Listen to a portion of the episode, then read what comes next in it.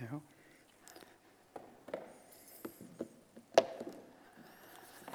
God kveld.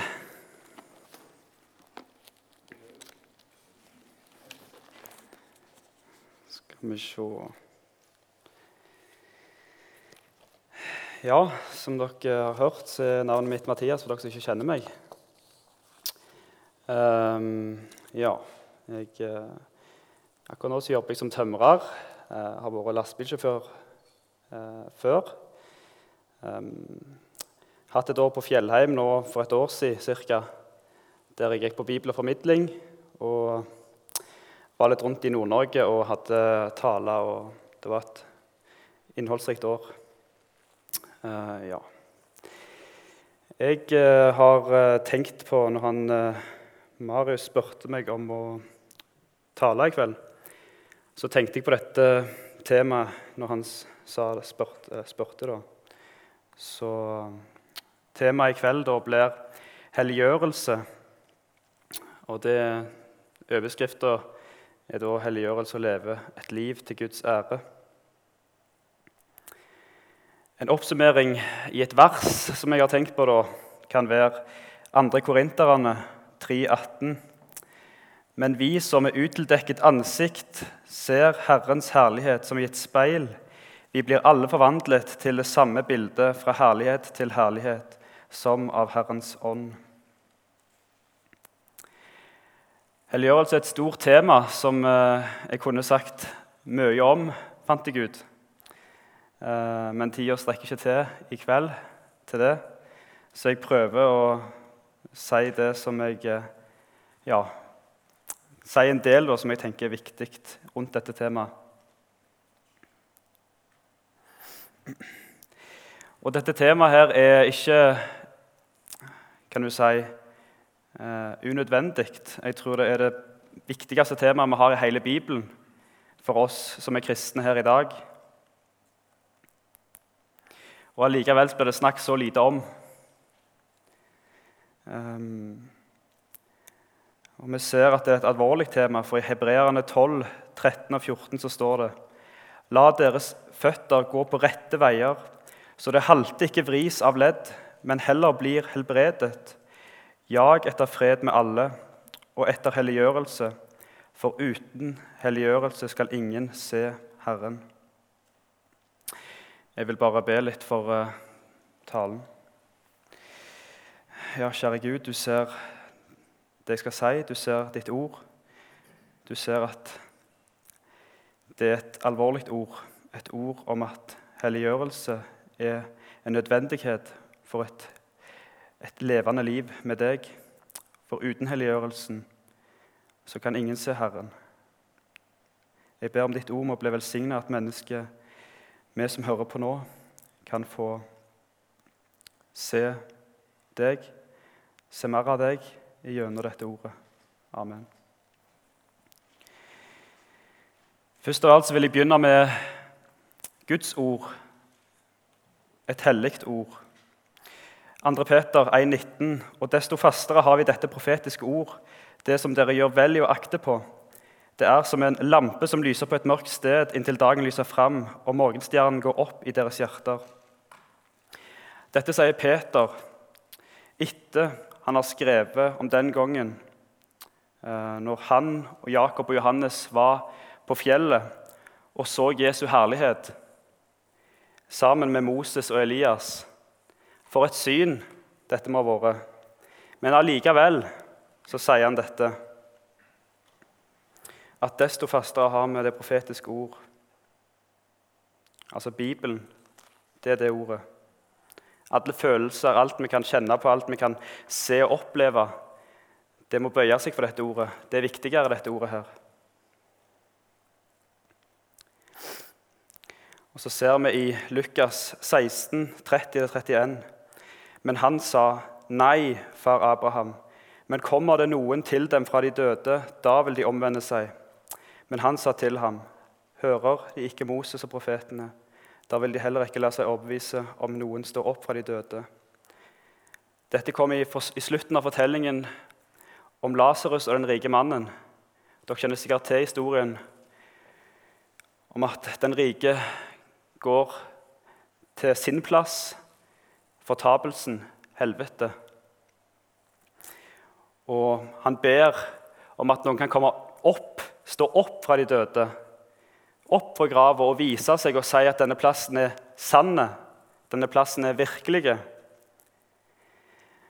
Men så står det at eh, nei, det funker ikke sånn.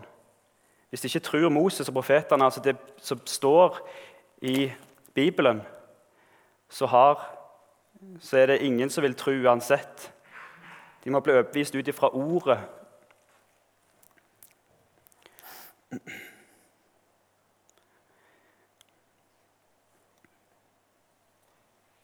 Men samtidig, så da når vi ser dette, så ser vi at det ordet er det som gir liv.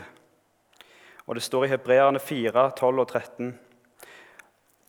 For Guds ord er levende og virksomt og skarpere enn noe tveget sverd. Det trenger igjennom helt til det kløver sjel og ånd, ledd og merg, og dømmer hjertets tanker og råd, og trenger igjennom helt til det eh, kløver ledd og merg, og dømmer hjertets tanker og råd. Og ingen skapning er skjult for ham, og alt ligger naken og bart for hans øyne, som vi skal stå til regnskap for. Bibelen er vår absolutte autoritet. For det er Guds ord. Og Når denne boka taler til oss, så står vi ansvarlige for eh, Gud med det ordet som vi hører ut fra denne boka. Den eneste måten vi kan være sikre på hva denne boka her sier, om det er rett, er å teste det vi har hørt og lest, ut ifra hva resten av boka sier Det må være en kontinuitet i det vi har lest, at det kommer om igjen og om igjen og om igjen til oss som en sannhet. Det må være en sammenheng. Akkurat som en gullsmed sa en gang Du kan bare slipe diamant med diamant. Og Sånn er det òg med Bibelen. Det er ingen høyere autoritet som kan si noe på dette, her, som kan bevise det. Bibelen må bevise seg sjøl. Bibelen må forsvare seg sjøl. Du må bare slippe det løst, akkurat som et vilt dyr. Guds ord alene overbeviser mennesker om hvem Gud er, og hvem de er i forhold til Gud. Det er ingen høyere form for sannhet, ingen skapning som kan komme inn og si til Gud om det som blir sagt, at det er feil. Og Hvis du eller jeg tror at vi kan gjøre det, så har vi gjort oss sjøl til Gud, og vi har gjort Gud til en løgner. Og Gud kan ikke lyve. Derfor er det vi som er løgneren. 1. Johannes, Johannes 1, 1. I begynnelsen var Ordet, og Ordet var hos Gud, og Ordet var Gud. Og alt ble til han, ved Han står det i vers 3. Og I 2. Timoteus 3, 16 og 17 står det hele Skriften er innåndet av Gud og nyttig til lærdom, til overbevisning, til rettledning, til opptuktelse i rettferdighet, for at Guds men menneske eh, kan være fullkomment satt i stand til all god gjerning. Så Når vi leser dette ordet, så leser vi Guds egne ord. Guds ord er bundet fast til den uløselige treenigheten som vi finner i Bibelen. Guds, Gud Fader, Gud Sønnen, Gud Den hellige ånd, som alltid virker i lag til å utføre og gjennomføre sin evige plan. Og I dette ordet finner vi alt vi trenger til liv og Guds frykt. Judas 1,3 står det. Dere kjære, mens jeg var ivrige og opptatt med å skrive til dere om vår felles frelse, fant jeg det nødvendig å skrive til dere for å formane dere til å stride for den tro som en gang for alle har blitt overgitt til de hellige. Det kom ingen ny åpenbaring, som noen sier og mener. Guds ord er gitt en gang for alle. Og Hvis noen sier at vi må ta ut det, eller vi må legge til noe her, så står det en veldig sterk advarsel om dette her i åpenbaringsboka 22, 17-19. Og Ånden og bruden sier 'kom', Og den som hører dette, la ham si, 'Kom.' Og den som trøster, tørster, han får komme. Og den som vil, han får ta livets vann for intet. Jeg vitner for enhver som hører de profetiske ordene i denne boken.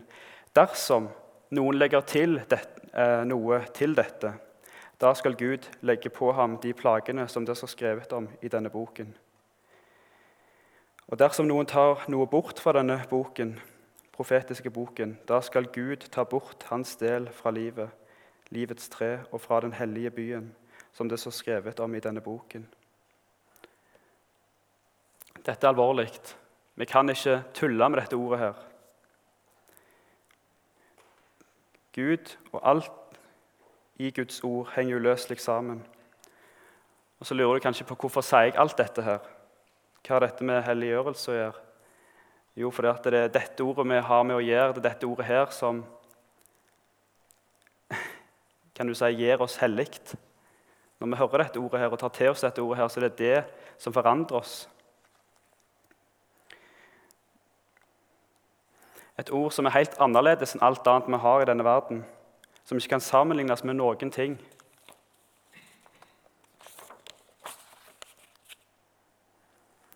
For det er Guds ord. Og alt står og faller på hva vi gjør med dette ordet. Dette ordet viser oss en hellig Gud som vi skal bli mer lik. I 2. Mosebok 3, 13 15 så står det Da, Moses, da sa Moses til Gud eh, Men når jeg nå kommer til Israels barn og sier til dem Deres fedres Gud har sendt meg til dere, og de så spør meg, hva er hans navn? Hva skal jeg da svare dem? Da sa Gud til Moses, Jeg er den jeg er. Og han sa, Så skal du si til Israels barn, Jeg er, har sendt meg til dere. Så sa Gud til Moses, så skal du si til Israels barn, Herren, deres frelses, fedres Gud, Abrahams Gud, Isaks Gud og Jakobs Gud, har sendt meg til dere. Dette er mitt navn til evig tid. Dette skal de kalle meg fra slekt til slekt. Jeg er. Jeg er, sier Gud. Hvorfor sier han det? Hvorfor tar han ikke fram og sier, eller tar et eksempel på noe som vi kan forstå, noe som vi kan sette oss inn i? Det er pga. at Gud han er ikke skapt. Det er han som er opphavet til alt. Og Han kan ikke sammenligne seg med noe annet enn den han er. Så han må bare si det. Jeg er den jeg er.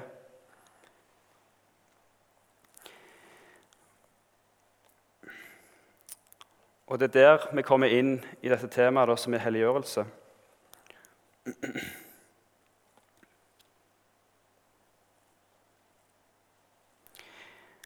Helliggjørelse er et verk av hele treenigheten, for treenigheten kan ikke separeres. Selv om vi kan si, og det er rett, at, den, at det er Ånden som helliger mennesket, så vil jeg for derom si det på denne måten. Faderen helliggjør gjennom Ånden ved Jesu Kristi navn. Hvis du ser i 1. Korinterbrev 1,13, 2. Tessalonikerne 2,13, 1. Peter 1,2, 1. Korinterbrev 16,11, så ser du denne sammenhengen ganske tydelig. Helieros er, en sammensvei, eh, er sam, sammensveist til da å være frelst, en ny skapning i Kristus. Det henger sammen med det at en er frelst du kan ikke separere helliggjørelse med å være frelst. Så Hvis du ikke blir helliggjort, så er du heller ikke frelst. Så hvorfor eh, er dette så viktig? Hva er hensikten bak det? For mennesket skal se eh, Kristus i oss, og Gud eh, skal få all æren. I, først, i eh, Filipperne 1 9-11 så står det Og dette ber jeg om, at deres kjærlighet må bli mer og mer rik på kunnskap og all innsikt, slik at dere kan dømme om hva som er rett i de forskjellige spørsmål, for at dere kan stå rene og uten lyte til Kristi dag, fullt av rettferdsfrykt, ved Jesus Kristus, Gud til ære og pris. Og Matteus 5, 14-16 så står det Dere er verdens lys. En by som ligger på et fjell, kan ikke skjules. Heller ikke, kan, heller ikke tenner noen et lys og setter det under et kar, men i lysestaken. Da lyser det for alle som er i huset. Slik skal dere la lyset deres skinne for mennesker, så de kan se de gode gjerningene dere gjør, og prise deres Far i himmelen. Og så i Romerne 12, 2, så står det Skikk dere ikke lik denne verden, men bli forvandlet ved at deres sinn fornyes, så dere kan dømme om hva som er rett, eh, Guds vilje, det gode som Han har behag i, det fullkomne.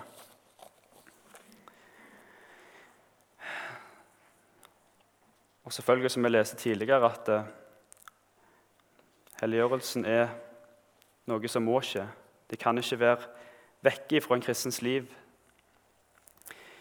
Og Når vi da går inn i dagens samfunn og det som vi ser i dag, så er det mye i det klimaet vi lever i, som er med på å prøve å føre oss vekk fra sannheten om alt mulig. Og det er mye som er unikt for det, den tida vi lever i. Så det, så det vanskelig for oss å holde blikket på Jesus. Derfor tror jeg at det er viktigere enn noen gang at vi tar bevisste valg som gjør at, at vi tar oss tid til Guds ord og kommer i lag og får et bedre blikk på hvem Jesus er. Og jeg tror en av måtene vi kan få et bedre blikk på hvem Jesus er, og hvordan vi skal gå den veien for å få kommet fram til å få sett mer av Jesus, hvem han er, det er å se på en person i Bibelen som heter Paulus. Han er et forbilde for oss, tror jeg, i denne vandringa til helliggjørelse. Jeg tror vi trenger et forbilde som har stått i det ikke bare i Bibelen, men òg i dette livet. At vi har noen som vi kan vandre i lag med her på jorda. Men i Galaterne 4, 19 eh, og 20 så står det Mine barn, som jeg igjen må føde med smerte inntil Kristus vinner skikkelse i dere. Jeg skulle ønske at jeg var hos dere nå og kunne endre min røst, for jeg er rådvill med dere. Her bruker Paulus sterke bilde, eller et sterkt bilde på hvordan han føler det overfor menigheten der. Og Han beskriver det som å føde. Og de som har født her, vet Jeg har sett at det ser smertefullt ut å føde. Og han mener på at det er den smerten han bærer på når han kjenner på den når han kjenner på følelsene for den menigheten. Og Grunnen for det er fordi at klimaet i det samfunnet der, det er forførende. Det har kommet inn noen i menigheten som du ser tidligere, som vil føre dem vekk ifra sannheten om det som står i Bibelen. Og de blir forført, og de vender seg vekk ifra sannheten. Og Paulus da kommer til dem og sier at eller han skriver til dem at eh, det er smertefullt for ham å se at de begynner å tape skikkelse i Kristus. Så han ønsker at de skal igjen få vokse og få se mer av Jesus. Og Du kan bruke det samme bildet i forhold til en unge, en unge som er syk, som ikke vokser. Det er smertefullt å se, for du vet at det er noe gale. Og jeg tror dette her, som Paulus sier her, jeg tror det er noe som ledere, åndelige ledere er nødt til å ha som sitt høyeste mål. Det er det å få ha det målet om at, at Jesus må vinne skikkelse i menneskene som du har rundt deg, som du er en åndelig leder for. Og Hvis du ikke har det målet, så tror jeg du har et mål som er for lågt. For Satan han vil for alt i verden ikke at hurden skal lede sauene inn på beite, med nytt, friskt gress som de kan få beite på. Hvis du er med i bildet, så er det på en måte dette her da, at hvis vi, et, at vi skal få et bedre blikk på Jesus og hvem han er, og hva han har gjort for oss. I Filipperne sier Paulus mer om dette i kapittel 2 og vers 12 og 13. Mine kjære, dere har jo alltid vært lydige mens jeg var hos dere. Så vær det enda mer nå når jeg er borte, og arbeid på deres egen frelse med respekt og ærefrykt. For det er Gud som virker, er virksom i dere, så dere både vil og gjør det som er rett, eh, gjør etter Guds gode vilje.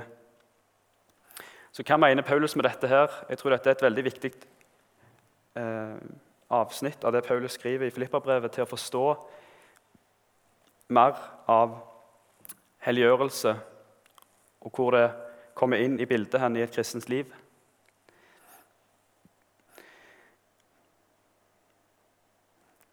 Og det tror jeg er da at det verket som Gud har gjort Hvis du er en kristen i dag, hvis du har tatt imot Jesus som din frelser og herre i livet så Det verket som Gud har gjort i ditt liv da, det vil da være noe som Paulus sier her, at du skal gjøre det synlig for mennesket. Du skal gjøre det synlig for folk. At det verket som har skjedd på innsida, det skal bli noe som folk skal få se. At du skal virke ut den frelsen. Du bygger på et fundament, og det er Jesus, og du kommer aldri videre fra det fundamentet der. Men det er det fundamentet ut ifra det, det er der du da bygger på at du vil se mer av Jesus, og du blir forma inn i det bildet som da er Jesus, og han er hodet av menigheten. Og det er der vi alle vil strekke oss til.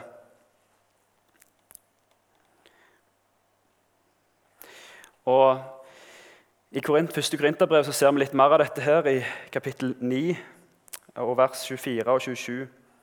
Vet dere ikke at på stadion deltar alle i løpet, men bare én får seiersprisen? Løp da slik at dere vinner den. Alle som deltar i kamp kamplekene, må nekte seg alt. De gjør det for å vinne en seierskrans som visner. Altså det er noe som bare er her og nå, for denne verden skal få gå. Vi for å vinne en som aldri visner. Altså det livet som vi har fått i Kristus. Det jager vi etter, og det skal aldri evighet forgå. Jeg løper derfor ikke uten å ha et mål. Jeg er heller ikke lik en nevekjemper som slår i løse luften. Nei, jeg kjemper mot meg selv og tvinger kroppen til å lystre, for at ikke jeg, som har forkynt for andre, selv skal komme til kort. Eller bli funnet diskvalifisert, som det står i 1988-oversettelsen. Dette var 2011. Og På den engelske oversettelsen New Heart English Bible så står det i vers 27 But I beat my body and bring it into submission, lest by any means, after I have preached to others, I myself should be rejected. Det er sterke ordbruk. Han bruker et ord som at han slår sin kropp inn kan du si, i lydighet, til å lystre. Og I Filipperne 3 sier Paulus enda mer om dette å springe løpet, fra vers 7 og utover helt ut til slutten av kapittelet, i vers 21, leser vi. Men det som var en vinning for meg, det har jeg for Kristi skyld aktet som tap. Jeg akter i sannhet alt for tap.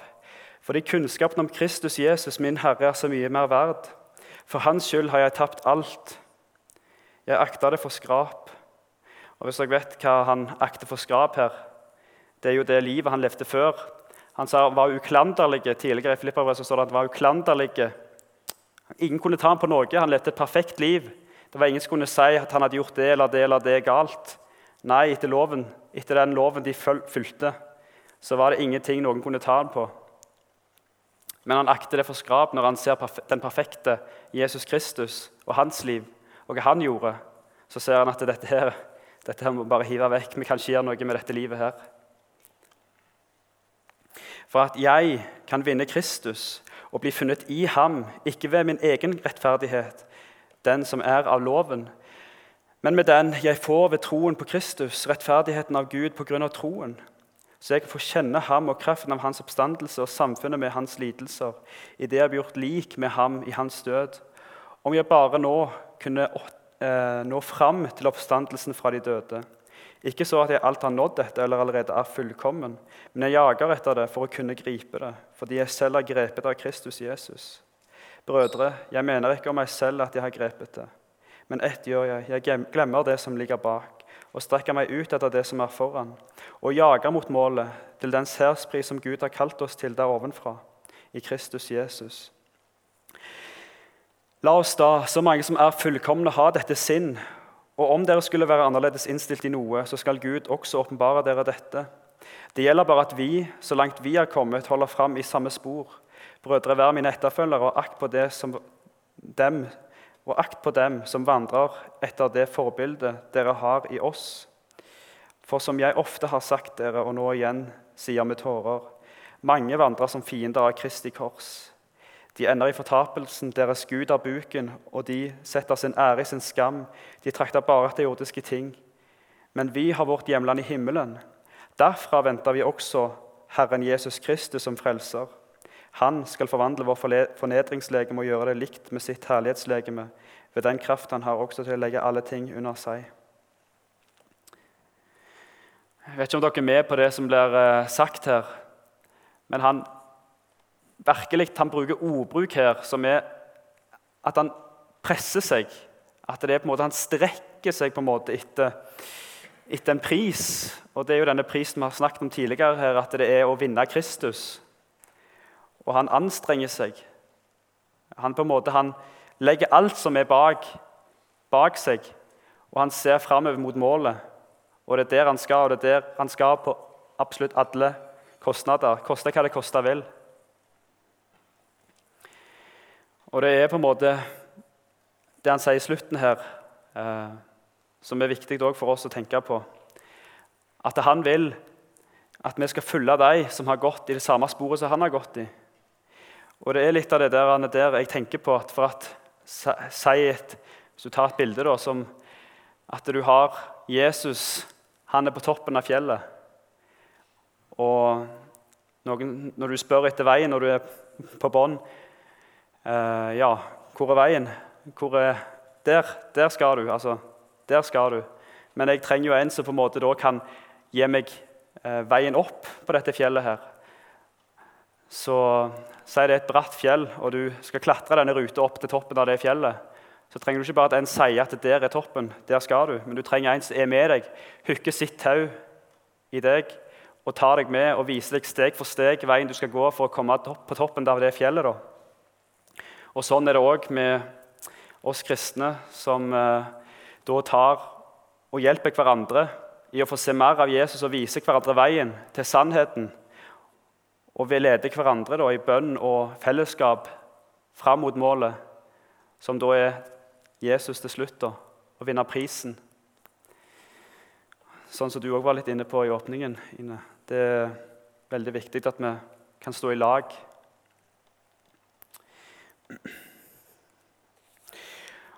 og Grunnen til at jeg tar fram Paulus, er på grunn av at jeg tror at Paulus er det mest helliggjorte mennesket som har levd på denne jorda. Jeg tror at han etter, altså etter, Selvfølgelig etter Jesus så var den perfekte, som var Gud. Så tror jeg det er han som kommer ant i rekka av de som på en måte virkelig har, har blitt helliggjort av Gud. Så jeg tror han er et vanvittig godt eksempel for oss å følge.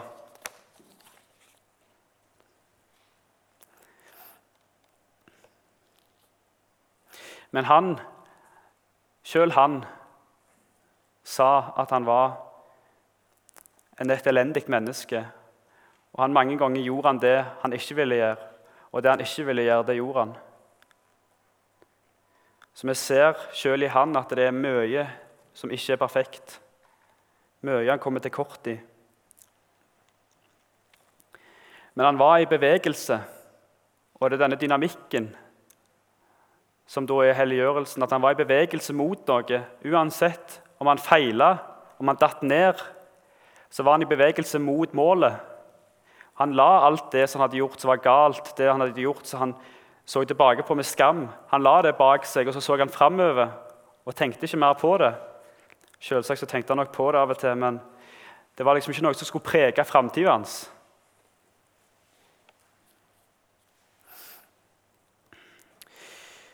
Og så ser vi at Paulus sa i 1. Korinterbrev 15,10.: Men av Guds nåde er jeg det jeg er, og Hans nåde mot meg har ikke vært forgjeves. Men jeg har arbeidet mer enn de alle, det vil si, ikke jeg, men Guds nåde som er med meg. Det er et ord som handler om dette med helliggjørelse. Det er et viktig ord. For Han sier at han arbeider, og vi ser at han sier mye om dette. her. Han snakker om løperne på banen som skal vinne særsprisen. Han snakker om seg sjøl som springer et løp for å vinne særsprisen. Og så ser vi her at han sier at eh, han har arbeidet mer enn alle. Han har stått i det som ingen andre. Men allikevel så sier han at det er ikke han. Det er ikke han som har gjort det, men det er Guds nåde som har drevet han inn i dette arbeidet og drevet han inn i alt det han har gjort. Så han roser seg ikke av noen ting av det han har fått til, men det er Gud som skal ha æren for alt det han har gjort. Og dette må òg være våre ord. Hvis vi har, For den vi er i dag, for det Gud har gjort i våre liv, så må det være våre ord. At det må være noe som vi tar på våre lipper. At alt det vi er, alt det vi har av Ja, alt er en gave fra Gud. Alt er en gave fra Gud, så vi må gi alt til Gud. Vi må gi all ære til Han, som fortjener all ære. Men nå har jeg sagt mye, og en oppsummering av dette her kan jo være at eh, ble hva du er. Og det jeg mener med det er at Når du er en kristen, så har du blitt en ny skapning. Alt det gamle er forbi. Paulus snakker om det i Romerbrevet, at, at uh, synda henger fast med han ennå. Ja, det er sant. Synda henger fast. Han bruker et bilde på at, at det er et menneske som står på sida av han, som henger fast som et råttent menneske. Og det døde, det er det som er gamle, gamle Adam, som har dødd. Og så har han blitt ikledd Kristi rettferdighet. Og det er det han vil på en måte at skal vise skikkelse i oss nå. At det som på en måte henger med oss, som er dødt, at det kan bli dødt. Og at vi ikke lar det få prege oss. At ikke det kan begynne å komme med sin rådenhet over på oss.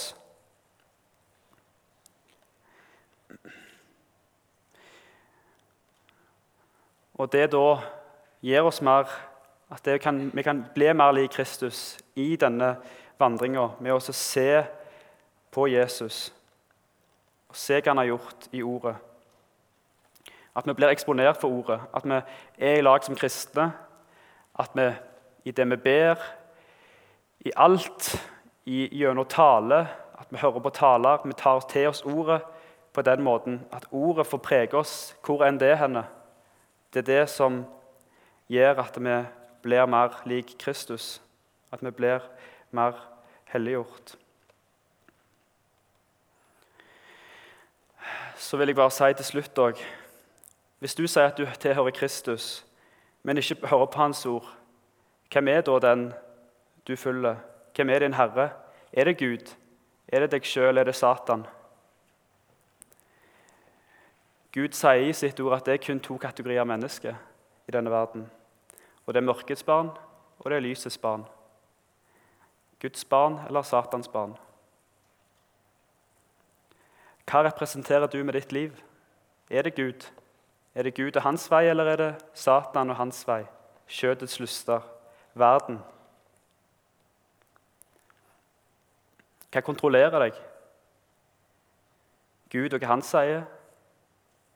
Eller er det verden, kjøttet og Satan?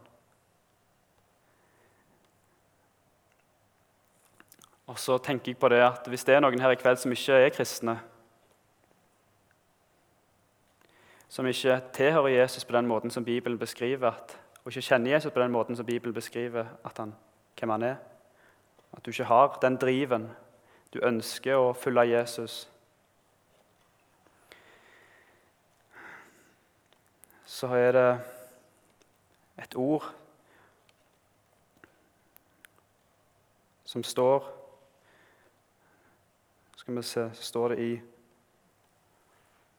Og det står i verset rett før det vi leste i begynnelsen. Og det står i 2. Kvinterbrev 3,17. Men Herren er ånd, og dere, og der Herrens ånd er, der er det frihet. Mange i dag tenker at frihet er det så du kan, eh, at du kan gjøre det du vil, at du kan gjøre det du føler er best for deg.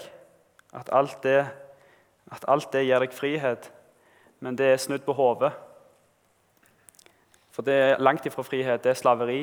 At du skal bestemme over deg sjøl. Du skal gjøre det du vil. Og det, det er det som virkelig er godt og bra for deg. Friheten den ligger faktisk i det å ha et fellesskap med skaperen din. Han som vet enden av universet. Han som vet hva som er der ute, som ingen mennesker noen gang har vært. Han som vet hva som er i de aller mest fundamentale byggesteinene våre, som vi, kan se under, som vi ikke engang kan se under et mikroskop. Han som vet alt dette her, han som vet det nøyaktig, for han har skapt det sånn, han har bygd det opp sånn. Det er han som vi skal følge. Og når vi er i samfunn med Skaperen, som da er Jesus, og følger han på hans veier, det er da vi lever i frihet. Det er da vi virkelig er fri. Og har du fått del i denne friheten, så er det helt fantastisk å leve. Første Korinterne 6, 9-11 så står det Eller vet dere ikke at de som gjør urett, ikke skal arve Guds rike? Far ikke vil, verken horkarer eller avgudsdyrkere eller ekteskapsbrytere eller de som lar seg bruke til unaturlig tukt, eller menn som utøver tukt med menn, utøver utukt med menn, eller tyver eller pengegriske, eller drankere eller baktalere eller røvere skal arve Guds rike. Slik var det en gang med noen av dere, men dere har latt dere vaske rene. Dere har blitt hellige. Dere har blitt rettferdiggjort i den Herre Jesu navn og i vår Guds ånd. Det er krystallklar tale av Paulus. Hvis du er noe av dette her, så er du ikke i Kristus. Men hvis du har vendt deg vekk ifra det For det står at sånn var noen av dere, men dere har blitt vasket rene i den Herre Jesu Kristi navn og vår Guds ånd. Dette er bare ei representativ liste av uh, synder. Du kan legge til andre synder som du kommer på til denne lista her. Så hvis du ser tilbake i ditt liv, ser du det at Gud har fridd deg ut fra synd som du før var fanga i? Hvis ikke, så er det gode nyheter òg for deg som ennå er fanga i synd.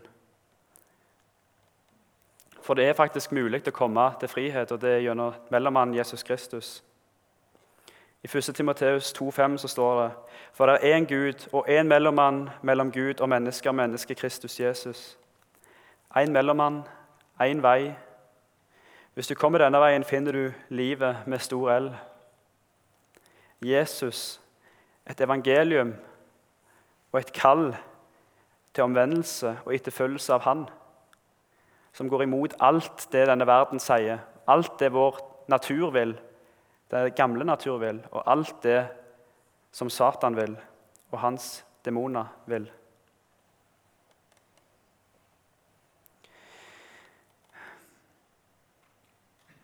Menneskets rette dom er helvete. Det er der vi alle fortjener å komme, med det livet vi har levd med det livet vi fortsatt lever i at vi gjør ting som vi ikke skulle ha gjort. Et opprør mot Gud. Men Gud var nådig og sendte en redning som alle som vil, kan komme og ta del i. Veien til livet og glede og fred gjennom å komme til Jesus med vårt liv og stole på Han, at Han er soningen for mine synder.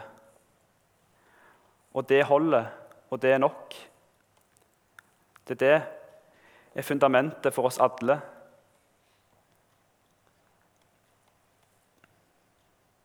Og vi kommer oss aldri videre fra dette.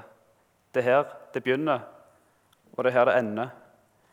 At når vi kommer til himmelen en dag, så er det ikke 'se hvor langt jeg har kommet i helliggjørelsen', 'se hvor langt jeg har kommet'.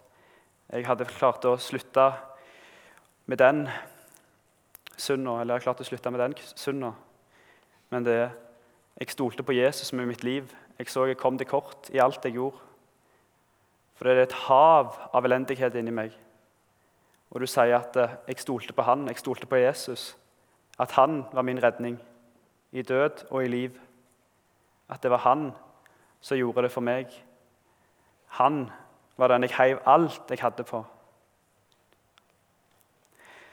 Til slutt jeg tenker dette her er kanskje en av de beste evangelieversene i hele Bibelen, som jeg da vil ta med helt til slutt.